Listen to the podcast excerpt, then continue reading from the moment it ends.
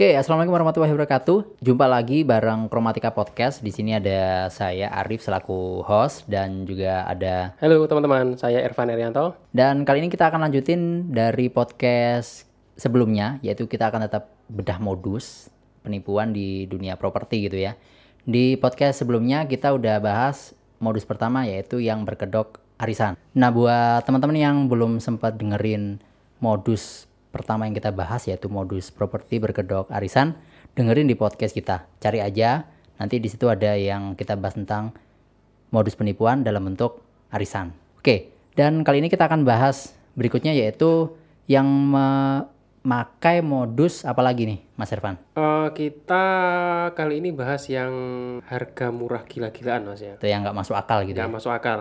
Oke, dan juga banyak korbannya karena tergiur lah ya Benar. dengan harga yang tidak masuk akal Tidak tadi masuk itu ya. akal. Kita nggak ngomong murah tapi lebih tepatnya nggak masuk akal. Benar, nggak masuk akal mas. nggak masuk akal. Oke, gimana tuh? Eh, apa yang terjadi atau bagaimana tuh bisa terjadi sampai masyarakat akhirnya banyak jadi korban? Begini, eh, kita bisa lihat dari dua sudut pandang dulu mas ya. Oke. Eh, harga tidak masuk akal itu ada satu yang pelaku properti menyebutnya hot deal. Hot deal itu memang harganya murah. Harga murah. Harga murah itu bisa karena si pemilik propertinya itu butuh uang, akhirnya rumah harga 500 juta dijual 300 juta umpama. Jadi dia dia memang menjual murah.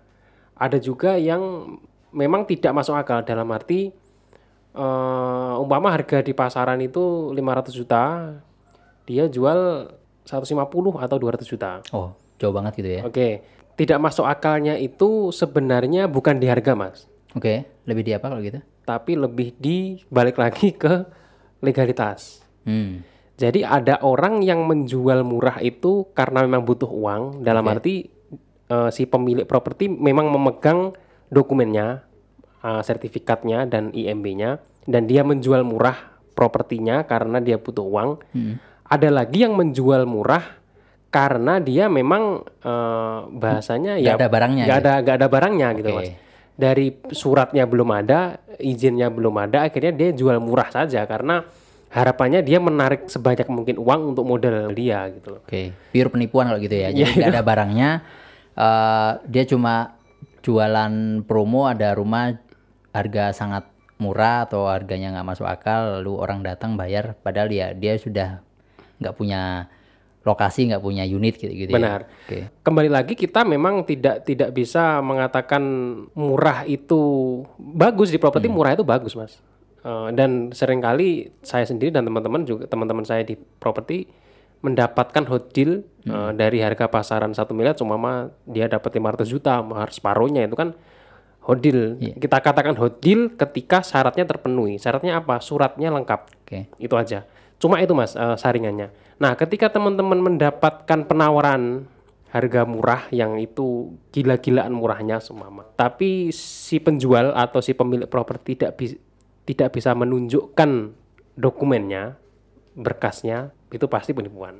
Oke, kalau gitu sebenarnya kalimat murah itu balik lagi tergantung sama ininya ya, legalitasnya ya. Benar. Kalau memang sudah ada legalitasnya dan dijual separuh harga itu tetap hot deal. Itu bukan Iya, penipuan karena memang sudah ada barangnya. Tapi Benar. yang banyak terjadi adalah banyak sekali promo harganya gila-gilaan tapi ternyata nggak ada barangnya Nggak ada atau barangnya. malah eh, ini yang kita bahas dulu di awal adalah sengketa gitu ya tanahnya Benar. sengketa akhirnya itu nggak beres dan akhirnya kita udah beli rumah ya tanahnya bukan bukan milik si pengembang Si atau bukan milik kita malahan gitu diminta orang kita harus gimana kayak gitu Iya.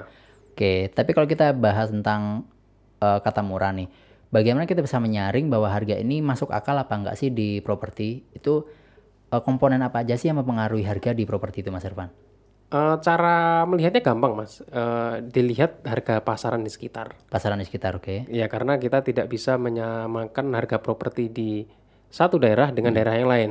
Karena beda lokasi pasti beda karakteristik dan pasti beda harga. Nah, yang paling paling mudah ya dilihat saja. Seumpama ada yang nawari nih ke Mas Arief umpamanya.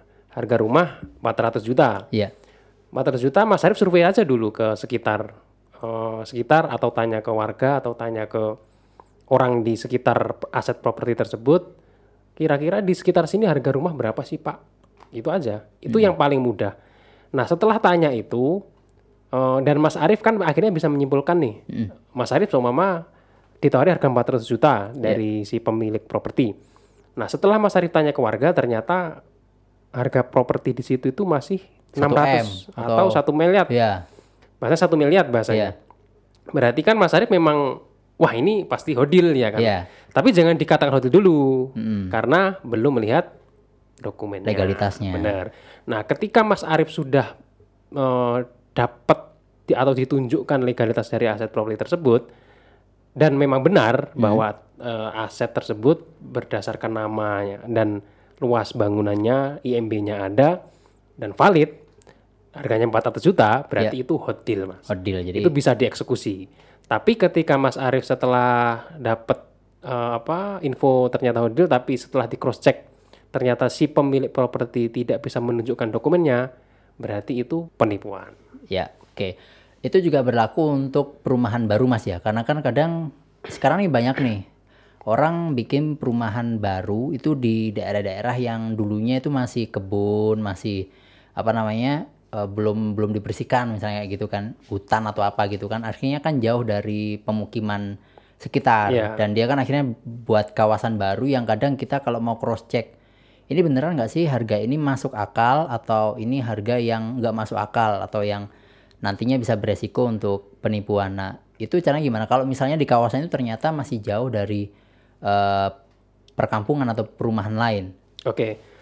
Kalau eh, mengatasi hal tersebut, eh, kita pakai cara yang kemarin-kemarin kita sudah pelajari yaitu tanya ke notaris, Mas. Oh, Oke, Jadi terlepas dari berapa harganya iya, eh, atau apa pun promonya, iya, ketika kita sudah tanya ke notaris dan notaris bisa membuktikan bahwa benar tanah itu milik si developer iya, dan perizinan sudah selesai, kita beli sudah tidak masalah mas, karena aman ya? sudah aman. Minimal kita akan memegang sertifikatnya. Minimal itu memang menjadi istilahnya akan menjadi sebuah kawasan dan valid karena perizinannya sudah keluar.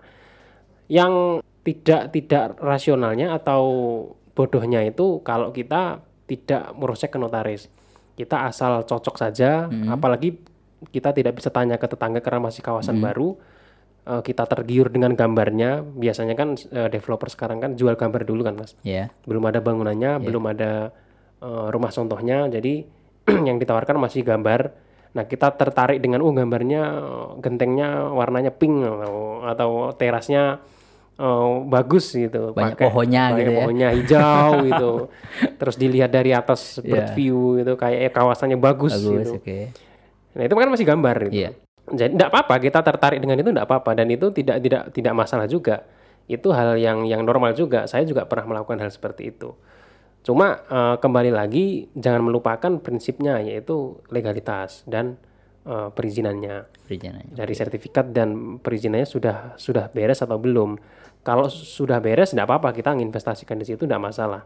Kita istilahnya mungkin nanti eh, kekurangannya mungkin di bangunannya aja yang kurang mungkin tidak sesuai dengan gambar sedikit biasanya Iya. gitu. Karena gambar dengan realita kadang berbeda, berbeda sedikit. Itu itu aja sih dan itu pun tidak masalah karena Bisa ditoleransi bisa ya. ditoleransi.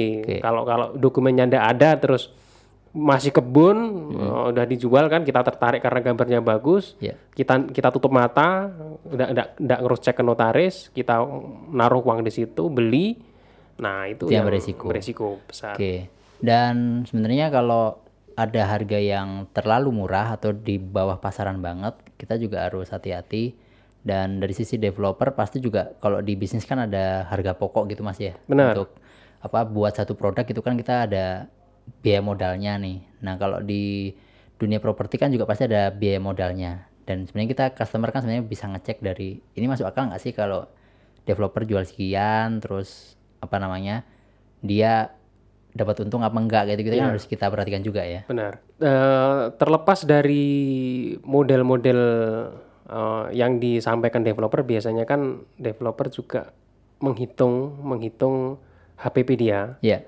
Dan kadang eh, ini studi kasus ada developer itu menjual HPP-nya saja tanpa untung Oh, ada kayak gitu ya. Ada. Jadi umpama tanahnya harganya 100 juta, bangunannya 100 juta, biasanya developer mengambil untung 100 juta. Jadi harganya 300 juta. Oh, Oke. Jadi kan tanah 100, bangunan 100, untungnya 100, jualnya kan 300. 300.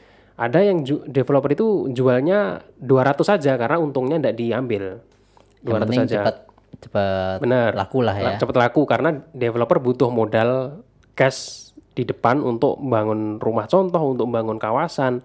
Eh, itu pun itu masih bisa kita le- toleransi, Mas. Oke. Asalkan jangan melupakan prinsip kita yang utama, legalitas sama perizinan itu aja. Oke. Jadi tidak apa-apa teman-teman dan Mas Arief kalau ditawari oleh developer model seperti itu, oh, istilahnya kok harganya jauh banget ya turunnya gitu loh. Tidak masalah. Kalau memang eh, eh, saya pun pernah melakukan itu dan dan saya memang benar-benar menjual HPP mas. Saya tidak Oke. tidak tidak untung. Yang akhirnya ya konsumen yang dulu beli Iya. itu sekarang wah kipas- merasa untung banget merasa ya. untung banget karena dapat harga, harga yang yang sangat eh, harusnya untungnya untuk kita itu jadi untungnya konsumen. oke. Tidak apa-apa, tapi waktu itu saya berani menunjukkan surat eh, sertifikat dan perizinannya. Oke. Dan konsumen saya transaksikan di notaris. Oke. Itu cara yang benar. Oke. Nah, ada juga oknum-oknum yang memakai cara itu, tapi menutup atau tidak melaksanakan eh, yang berhubungan dengan notarisnya, Mas. Oke. Jadi transaksi di bawah tangan. Jadi diliatin sertifikatnya, diliatin izin-izinnya, tapi nggak di notaris transaksinya. Eh, malah tidak ada suratnya, belum Oh, ada, ma- Mas. Oke. Perizinannya belum ada. Belum ada. Jadi konsumen itu kan eh, keputusan beli seseorang itu kan berdasar emosi, Mas. Iya. Emosional. Nah, ketika eh, kita di prospek sama marketing itu sering kali, Bu, ini loh, oh ya nanti ada kolam renangnya di depan Iya. rumahnya, ada tamannya untuk anak-anak bermain. Akhirnya enggak berpikir yang logis Iya. gitu. Nah, jadi ini perlu teman-teman jadikan patokan atau eh, jadikan prinsip pokoknya apa pun yang ditawarkan oleh developer promonya, entah itu harga murah, entah itu dapat mobil atau entah Iya. dapat apa pun itu, jangan melupakan legalitas sama perizinannya. Itu Perizinannya. aja sih. Oke, eh, itu adalah modus kalau teman-teman ditawari dengan harga yang nggak masuk akal. Jadi Benar. jauh di bawah harga pasaran, lalu terkesan sangat murah. Iya, Kayak gitu hati-hati, tetap cek dan dicek legalitasnya gitu ya. Dan usahakan semua transaksi itu dilakukan di depan Notaris. notaris. Nah, itu adalah cara untuk mengunci resikonya. Kayak gitu ya. benar. Walaupun tetap ada kata Mas Irfan tadi, ya hot deal namanya. Kita bisa dapat harga properti dengan sangat eh, istilahnya menguntungkan, Murah, sangat murah, tapi asalkan semuanya legalitas sudah benar-benar clean and clear, Clear and kayak gitu ya. Dan juga ada juga yang murah, misalnya rumah subsidi itu kan memang murah Mas ya. Kalau itu- Eh, murah dan kalau kita penghasilannya Iya. bukan subsidi, Mas. Oke, tapi itu kan memang murah gitu kan ya. Jadi kalau memang mau beli murah ya bisa beli yang aman rumah subsidi gitu ya. Iya. Nah, kayak gitu. Oke, itu adalah modus yang kedua kita dan tetap akan kita bahas next modus-modus penipuan di properti apa saja. Tetap ikuti di podcast kita di Kromatika Podcast. Saya Arif undur diri dan juga Irfan Arianto. kita jumpa lagi di podcast berikutnya. Tetap membahas tentang modus penipuan di properti. Oke, sampai jumpa.